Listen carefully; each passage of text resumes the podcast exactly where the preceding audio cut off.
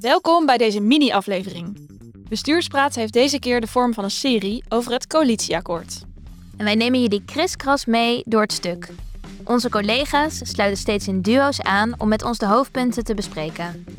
We vragen hen wat ze opvalt, wat we kunnen verwachten en welke kansen ze zien. Ik zeg over naar de studio. We naderen inmiddels de koffiepauze. Het is uh, tien over tien. En ehm, die koffie wordt gedronken met twee collega's van de afdeling Openbaar Bestuur, Rosemee Posma en Bastiaan Vinkenburg.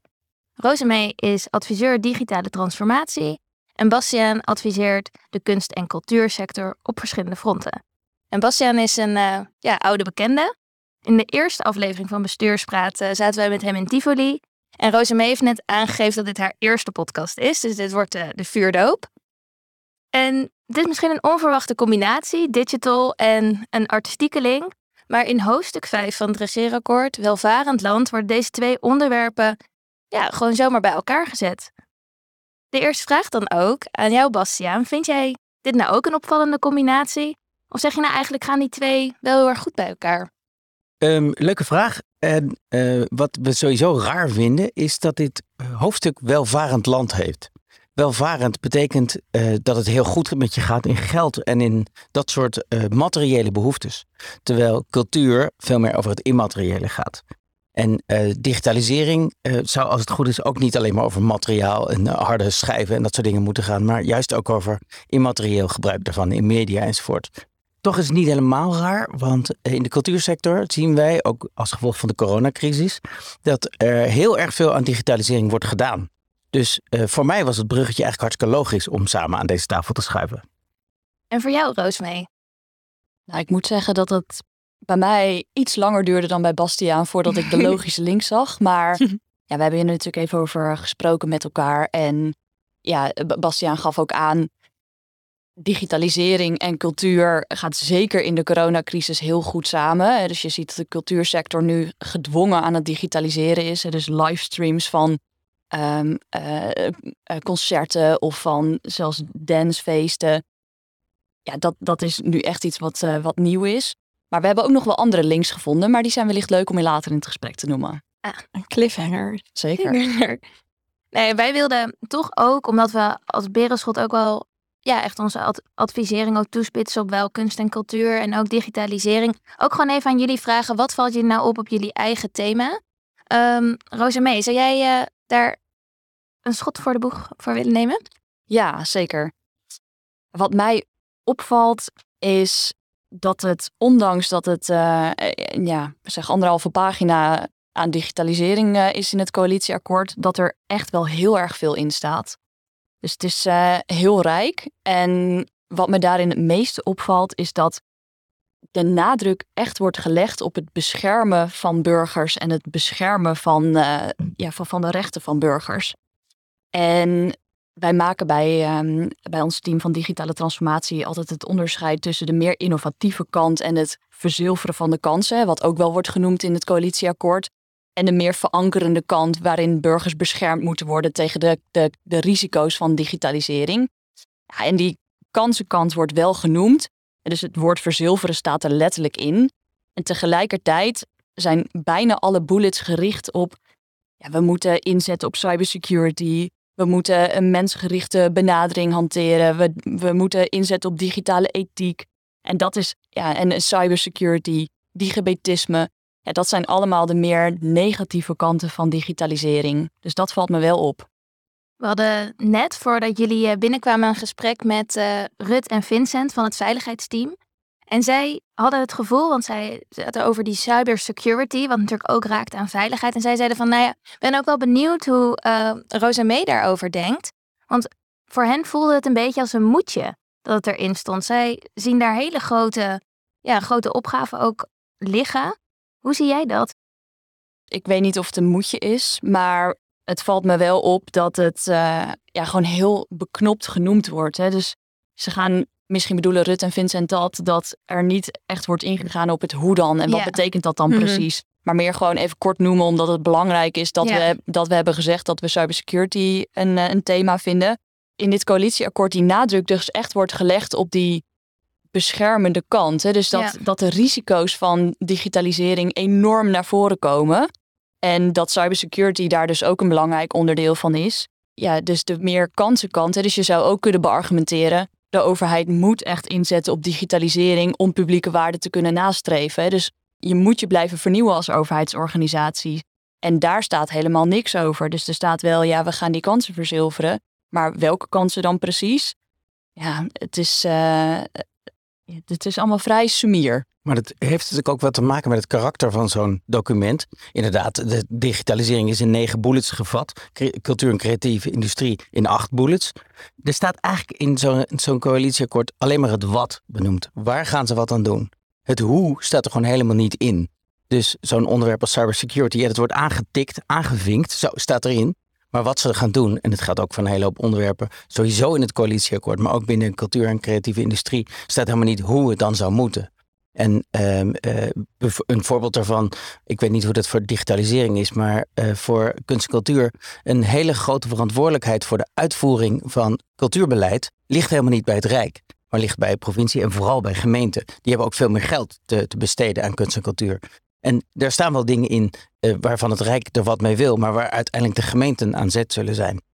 Ja, het is ook wel, ik zit er nu over na te denken. Het is ook wel grappig om te zien dat je dus digitalisering en cultuur en creatieve industrie in één hoofdstuk vat. Maar daar de verbinding dan ook niet echt tussen legt. Hè. Dus misschien is dat ook meer de hoe-vraag waar jij net aan refereert, Bastiaan. Maar wij hadden het natuurlijk in ons voorgesprek over ehm, het punt wat wordt gemaakt binnen digitalisering over het aanpakken van digibetisme. Nou, dat eh, is een belangrijk punt. Ehm, maar daar zou je bijvoorbeeld een hele belangrijke rol voor bibliotheken kunnen wegleggen. Dus misschien kunnen bibliotheken daar wel iets in betekenen, maar dat staat niet genoemd. Terwijl je hier vrij makkelijk het bruggetje kan slaan tussen cultuur en tussen digitalisering. Bibliotheken hebben gewoon een, een steeds eh, mindere rol ten aanzien van simpelweg boeken. Steeds meer een rol om de samenleving te helpen in eh, ook met informatie omgaan. En eh, bijvoorbeeld het informatiepunt digitale overheid, de IDO's. Ik, weet niet onder welk kopje die staan, maar die staan er dus wel in. Dat ze daar wat mee willen. Maar dat is typisch iets wat in bibliotheken gebeurt. Bibliotheken zijn de plekken in de samenleving waar de meeste mensen de weg naartoe weten te vinden. Die ook gelukkig eh, heel veel open zijn. Veel meer dan de rest van de cultuursector op dit moment. En ehm, ook echt een heel laagdrempelige toegang bieden. En dus ook voor de overheid een heel makkelijke plek zijn om de samenleving te bereiken. Dus die IDO's. En waar bijvoorbeeld eh, de coronapassen worden verstrekt. En de QR-codes mee geholpen worden. Dat, daar zijn bibliotheken een hele goede eh, voorziening voor, plek voor. Ook heel vaak eh, dichtbij waar mensen wonen. Maar dat is wel iets waar gemeenten over gaan, of die bibliotheken er zijn. Dus het punt dat hierin staat is het zevende bullet. We streven naar een toekomstgerichte bibliotheekvoorziening in elke gemeente. Heel mooi dat het Rijk dat streven opschrijft, maar de Mhm. gemeenten gaan erover. Het Rijk Ja. zegt niet wat ze daaraan doen. En wat ze daaraan moeten doen is geld of het, eh, of misschien en of. eh, wat heel erg belangrijk is, wat, eh, waar dit coalitieakkoord helaas nog niks over zegt, maar dat is een wettelijk kader bieden voor eh, het, ge- eh, nou ja, sowieso culturele voorzieningen in de stad. Cultuur is een van de domeinen die niet juridisch gebonden of wettelijk verplicht is. En dat zie je met name in bibliotheken. Er is wel een bibliotheekwet, maar er staat nergens dat er overal een bibliotheek moet zijn. En dat, dat zou de sector wel enorm helpen. Juist ook om ambities die het Rijk wil met digitalisering van de burger eh, te helpen verwezenlijken. Maar als een bibliotheek er gewoon simpelweg niet is, omdat de gemeente het even niet zo belangrijk vindt, dan heb je die structuur niet. Dus jij benadrukt eigenlijk van er worden mooie ambities neergezet. Er blijft nog erg veel ruimte over, over de, die hoe-invulling.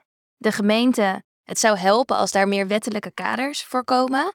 En hoe zie jij dat in het licht van digitalisering? Heb jij daarbij ook behoefte aan meer, of nou ja, jij, maar zou het thema of het eh, vakgebied ook meer behoefte hebben aan ja, wettelijke sturing of centrale sturing op dit punt? Wat je ziet is dat er eh, de laatste jaren steeds meer wetten komen op het Ja. gebied van digitalisering. Hè. Dus de, er is echt een hele rits aan wetten die ofwel net van kracht zijn gegaan, ofwel dit jaar eraan zitten te komen. Denk aan de wet open overheid over het actief openbaar maken van overheidsinformatie. Maar denk ook aan de wet digitale overheid die ook ingaat over de meer de infrastructurele eh, kanten en de ehm, publieksvoorzieningen. Ja, dat zijn allemaal wetten die, er, eh, die eraan zitten te komen en die erg belangrijk zijn.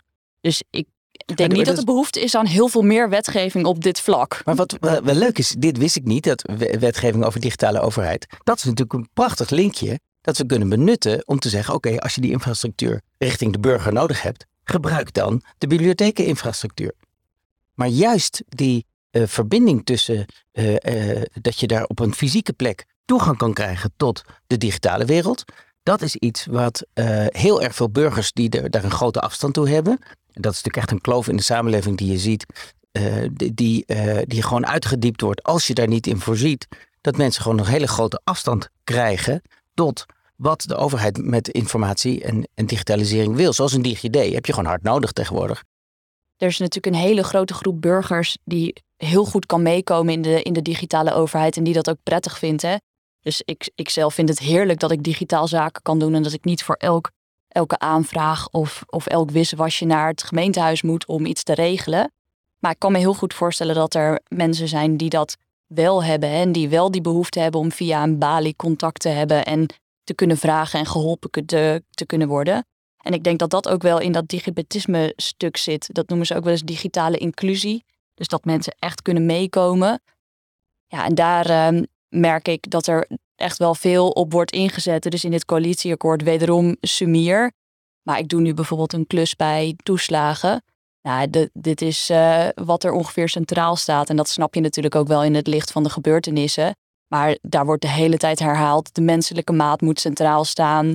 Eh, naast allerlei digitale voorzieningen willen we ook per definitie dat er balies zijn en dat er plekken zijn waar mensen daadwerkelijk terecht kunnen met vragen en dan niet met een chatbot, maar met een medewerker van de belastingtelefoon bijvoorbeeld. Ja, dat is echt wel, eh, dat staat echt wel op het netvlies daar. Hoe zou je dat kunnen combineren, die menselijke maat en tegelijkertijd wel de digitalisering, wat van een afstandje in ieder geval juist lijkt op minder ruimte voor de menselijke maat? Ik denk dat dat, dat dat vergt dat je in ieder geval goed kunt begrijpen dat er een doelgroep is die niet goed kan meekomen in, eh, in de digitale overheid. Dus eh, ja, dat, dat we dat niet uit het oog moeten verliezen. En dat het ook van belang is om die doelgroep niet als één groep te zien, maar uit te splitsen naar wat voor mensen zijn dat nou en waarom kunnen ze niet meekomen. Hè? Dus zijn het oudere mensen die bijvoorbeeld geen computer hebben en daarom dus niet kunnen inloggen? Of zijn het mensen die eh, de taal op websites niet goed begrijpen? Of zijn het mensen die überhaupt het Nederlandse taal niet machtig zijn? Ja, dat zijn natuurlijk allemaal hele verschillende redenen waarom je niet kan meekomen in die digitale overheid. En omdat het zulke verschillende redenen heeft, ja, denk ik dat je er ook andere maatregelen voor moet treffen om die mensen te helpen. En daar denk ik dus dat bibliotheken een hele mooie rol kunnen spelen om die mensen wel op weg te helpen. Nou, je zet me wel op een interessant gedachtespoor, want ik merk dat bij toeslagen wordt nu ook erg nagedacht over welke partijen, dus welke derde partijen, eh, kunnen we nou aanhaken om die burgers beter te helpen. Want een ander probleem waar toeslagen erg mee worstelt, en ik denk ook eh, andere overheidsorganisaties, is het gebrek aan vertrouwen in de overheid. Hè. Dus burgers vertrouwen de overheid niet en zeker de toeslagenclub vertrouwen ze niet meer naar aanleiding van die affaire. En eh, burgers willen daarom liever geen toeslagenzaken direct met de toeslagenorganisatie zelf afhandelen. Dus als een bibliotheek bijvoorbeeld zou kunnen helpen in het aanvragen van die toeslagen, dan vertrouwen burgers veel meer dat het ook daadwerkelijk goed is en dat het, ja, dat het allemaal klopt. En toeslagen is er nu mee bezig met, ehm, eh, ook digitaal gezien, middels API's, het aansluiten van, eh, van verschillende organisaties op hun eigen rekenmodules, zodat de burgers helemaal geen eh, zaken meer hoeven te doen met toeslagen, maar dat dus bijvoorbeeld via een bibliotheek kunnen doen. En ik denk niet dat bibliotheken op dit moment op het netvlies staan als partner voor Nee. toeslagen. Dan breng het in, Roos. Absoluut, ja. Dus ik ben helemaal geïnspireerd. Ja, wat goed. Hey, zullen we Ik kan het in de... ook niet laten om toch nog even een klein linkje te maken met onze ehm, eerste podcastaflevering. Toen zaten we natuurlijk midden in de coronacrisis, was de cultuursector helemaal dicht. Inmiddels eh, gaat het mondjesmaat weer een beetje open. Ehm, maar ook in dit eh, regeerakkoord staat eh, iets over herstel, iets over groei van de sector, structurele investeringen. Ehm, hoe kijk jij daar tegenaan, Bastiaan? Nou, dat zijn natuurlijk precies die andere twee punten die ik aangestreept had, waar dit uh, akkoord wat over zegt. Uh, over geld kan ik vrij kort zijn. Uh, de, de bezuiniging van Zijlstra is nog niet gecompenseerd met deze 170 miljoen die erbij komt. dus long way to go. Maar goed, daar, over geld hoeven het maar niet te lang te hebben. Maar het andere punt, dat herstelplan dat genoemd wordt, dat is echt een heel interessant onderwerp. Um, zijn we ook als Berenschot al heel druk mee bezig. Er is een taskforce culturele creatieve sector, eh, waar Jeroen Bartelsen, die we in de eerste podcast hadden, uh, een van de, de, regisseurs van is. En daar, daar zijn we nog heel druk mee bezig als taskforce, direct ook met het ministerie. En wat een hele leuke daarvan is, wat ik net al in het begin zei, is dat gemeenten een belangrijke invloed hebben op wat er in de cultuursector gebeurt. We hebben net eh, gisteren, eergisteren, voor de VNG een gids uitgebracht over herstel en transitie van de cultuursector. Met name de lokale culturele infrastructuur. Om gemeenten te helpen die vorm te geven aan die herstel. En dat, sorry, aan dat herstel en die transitie. En wat heel leuk is, dat was ook in het voorgesprek dat ik met Rosamee net had. Um, je ziet in de coronacrisis dat er een hele hoop dingen gebeurd zijn. En we gaan niet terug naar het oude normaal. Dus het alleen maar herstellen is simpelweg niet genoeg. Er zijn ook gewoon heel veel ontwikkelingen die je nu uh, die je een plek moet geven. De arbeidsmarktpositie is heel erg verzwakt in de cultuursector. Dat is echt een probleem. Maar er zitten ook kansen in. De coronacrisis heeft ook als een katalysator gediend voor een aantal ontwikkelingen. Digitalisering is daar eigenlijk een van de belangrijkste van. Dus in die, in die gids die wij voor gemeenten hebben gemaakt, hebben we ook heel, een aantal thema's uitgewerkt, waarvan er één digitalisering is, omdat er voor gemeenten ook heel veel kansen in zitten. Natuurlijk, bibliotheek hadden we het net al over, maar net zo goed ook het uitingsvormen van podiumkunsten of op allerlei andere manieren het bereiken van publiek dat nu niet gewend is om de drempel van een concertzaal over te gaan. Die kan je wel bereiken, die kan je interesseren, die kan je dichterbij halen en uiteindelijk verleiden om toch, want daar gaat het om die live ervaring te hebben. De, dus zonder live ervaring kunnen we echt niet. Er is eigenlijk nog steeds niet genoeg geld, maar ik zie ook kansen voor herstel, voor vernieuwing en groei. Um, dus dat is dan toch een soort positieve noot. Nou, we hebben heel mooi de verbinding gehoord tussen digitalisering en kunst en cultuur. Um, nou, Bastiaan, jij hebt nou al even toegelicht welke ontwikkelingen jij ziet op uh, ja, de cultuur- en creatieve sector.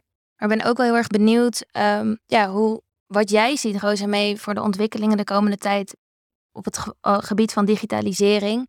En ja, hoe wij daar ook, hoe jij daar ook als adviseur op kan inspelen. Wat je de, de laatste tijd veel ziet, is dat er dat algoritmen echt in de spotlight komen te staan. Dus er is een, uh, een, schitterend rapport van de WRR uitgekomen over algoritme. Het is echt een aanrader. Het is erg uh, omvangrijk. Dus in dat opzicht lijkt het geen page turner, maar dat is het wel. Het is uh, waanzinnig boeiend.